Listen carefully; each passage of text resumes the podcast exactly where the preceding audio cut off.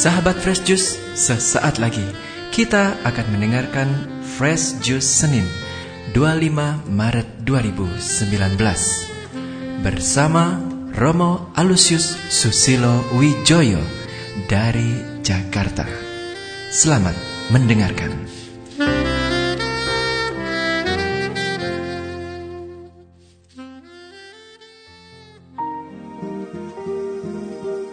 Senin 25 Maret Hari Raya Kabar Sukacita.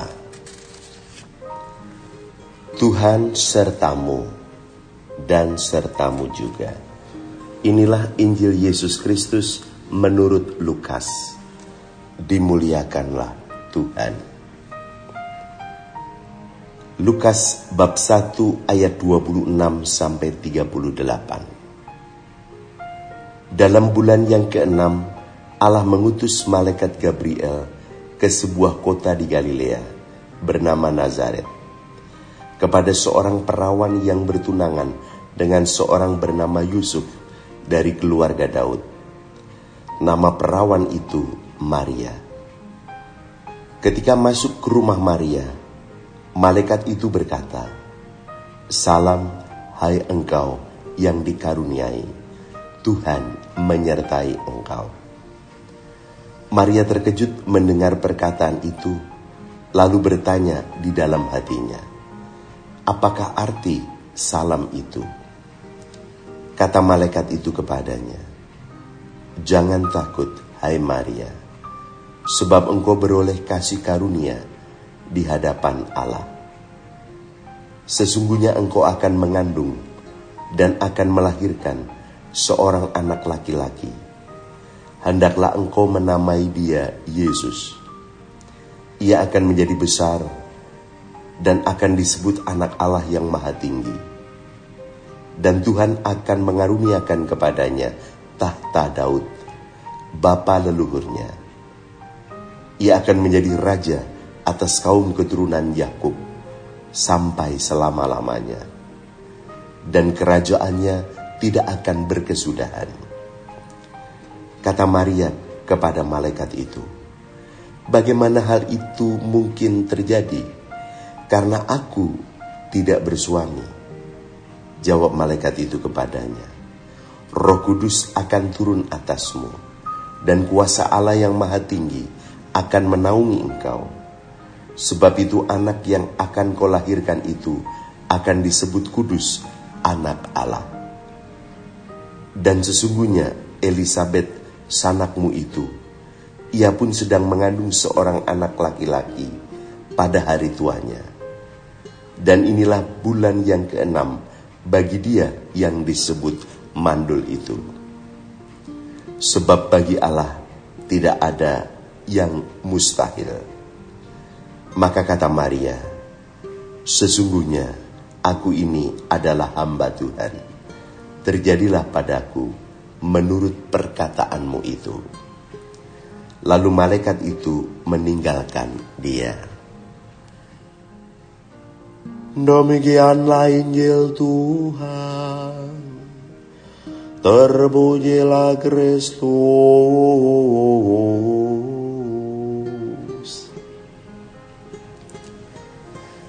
Saudari-saudara yang terkasih, para pendengar Fresh Juice. Hari ini 25 Maret gereja merayakan hari raya kabar sukacita. Pada bacaan Injil dari Lukas bab 1 ayat 26 sampai 38. Ceritanya sangat jelas. Malaikat Gabriel datang mengunjungi Maria dan memberi kabar gembira. Intinya adalah Maria akan mengandung dari Roh Kudus, kelak akan melahirkan anak Allah yaitu Yesus yang akan menjadi penebus dunia. Akan tetapi ketika malaikat Gabriel datang memberi salam kepada Bunda Maria. Maria terkejut mendengar perkataan itu. Tapi malaikat berkata, "Jangan takut." Dan tentu saja, bagaimana tidak takut? Saya membayangkan kalau dia adalah seorang gadis kira-kira umur 16 tahun dari desa bernama Nazaret. Dan pada waktu itu kondisinya adalah Maria sudah punya tunangan namanya Yusuf atau Yosef. Lalu mendapat kabar gembira dari malaikat Tuhan akan mengandung dari Roh Kudus. Seandainya kita ada di pihak Bunda Maria, tentu kata Roh Kudus itu sendiri juga menjadi tidak jelas. Ada yang menggambarkan Roh Kudus dalam Perjanjian Lama itu adalah angin, maka ada lagu berhembuslah Roh Kudus di tempat ini. Ada yang menggambarkan Roh Kudus dalam Perjanjian Lama adalah uh, lidah api. Ya, kita juga tahu ada tujuh karunia Roh Kudus. Ya. Bahkan ketika Yesus naik ke surga pun lalu dijanjikan roh penghibur, roh penolong yaitu roh kudus. Dan para rasul menanti datangnya roh kudus. Dan kita sampai hari ini pun juga sering mendengar kata roh kudus itu. Waktu Yesus dibaptis pun langit terbuka dan roh kudus turun dalam rupa burung merpati. Dan terdengarlah suara inilah putraku yang kukasih kepadanya aku berkenan. Seandainya hari ini kita melihat ada burung merpati atau kita melihat ada lidah api atau kita merasakan ada hembusan angin, apakah itu Roh Kudus? Belum tentu. Maka Roh Kudus itu adalah sesuatu yang sebenarnya tidak jelas secara manusiawi untuk mudah dipahami. Akan tetapi kita bisa mengimani bahwa Roh Kudus itu ada dan hadir berupa gerakan yang mempengaruhi pikiran dan hati. Dia memberi daya untuk berbuat kebaikan. Maka di hari raya Maria menerima kabar sukacita. Apa yang bisa kita renungkan? Setidaknya ada tiga. Yang pertama, bagi Allah tidak ada yang mustahil. Ini membutuhkan hanya satu syarat yaitu iman. Namun satu yang dia minta agar kita percaya. Percaya itu adalah iman. Sampai mujizat menjadi nyata. Mujizat itu adalah sesuatu yang menurut pikiran manusia nggak mungkin tapi itu mungkin. Menurut hitungan matematika ini nggak mungkin, tapi jadi mungkin. Dibutuhkan iman, kepercayaan.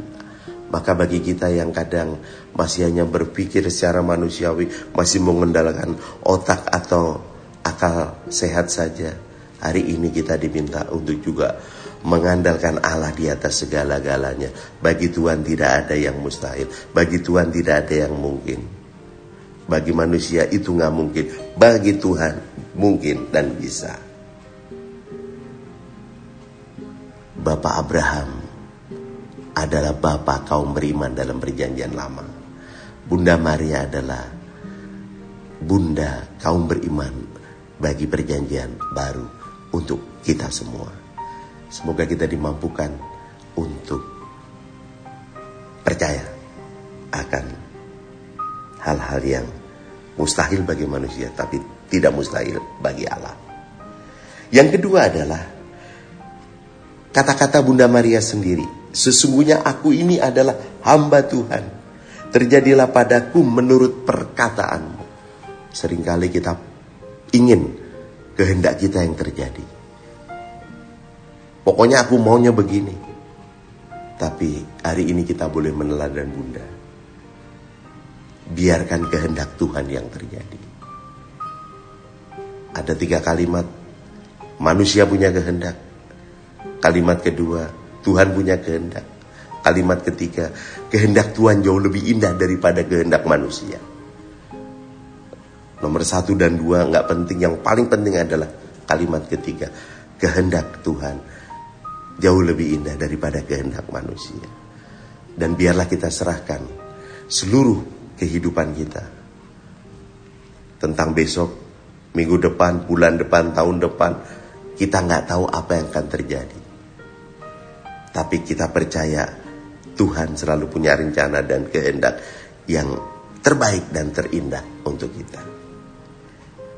Dan mari kita perkecil ego, bukan kehendak ku ku ku ku saja, tapi harus mu mu mu mu, yakni mu adalah kehendak Tuhan, huruf besar yang biarkan terjadi dalam kehidupan kita. Dan itu adalah semangat bunda yang layak kita teladan.